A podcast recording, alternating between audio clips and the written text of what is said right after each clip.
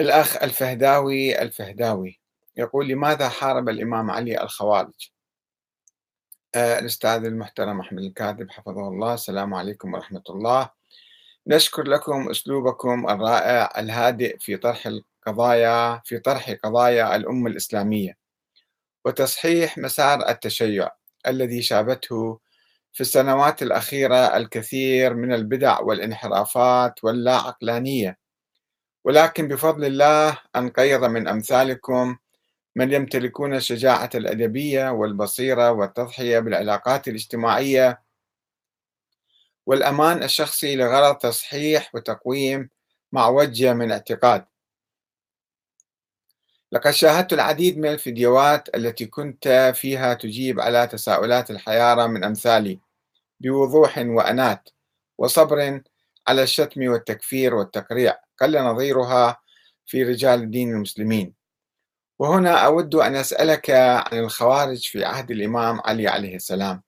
لماذا قاتلهم وقتلهم وهم لم يطالبوه بأكثر من حقهم الديمقراطي في الاختلاف معه؟ لأنه على ما كان باديا آه، لهم لم يكن معصوما من الخطأ ولا منصوصا على ولايته الزمانية من النبي ولذا اختلفوا معه وطالبوه بالتنحي والتوبة. وفي هذا دليل على أنهم لم يكونوا يرون عصمته ولا ولايته الإلهية.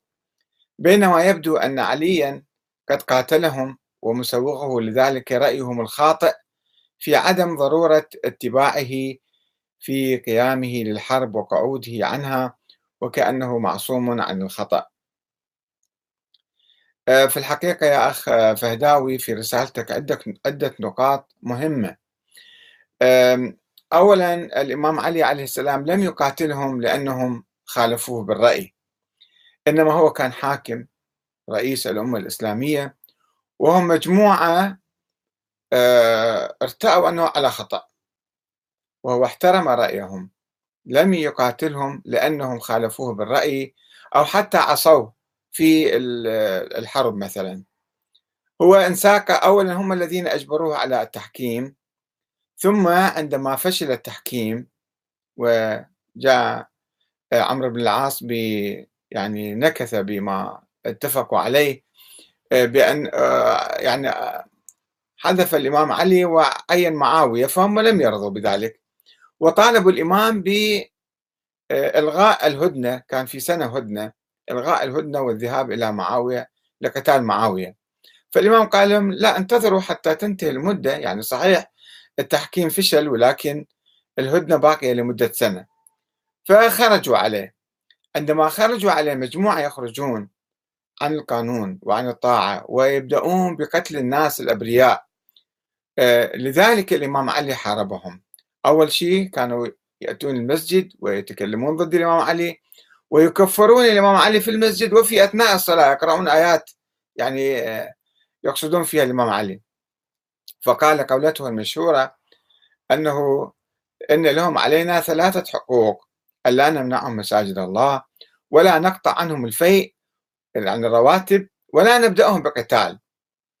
وعندما بدأوا هم الحرب أيضا عندما اجتمعوا آه، آه، يعني اصطف الفريقان للقتال لم يبدأوا بقتال. آه، أرسل عبد الله بن عباس وهو أيضا تكلم معهم وكانوا 12 ألف واحد 8000 واحد رجعوا بعد أن فهمهم وتكلم معهم رجعوا يعني عادوا إلى صفوف الإمام. والذين أصروا على القتال وتبني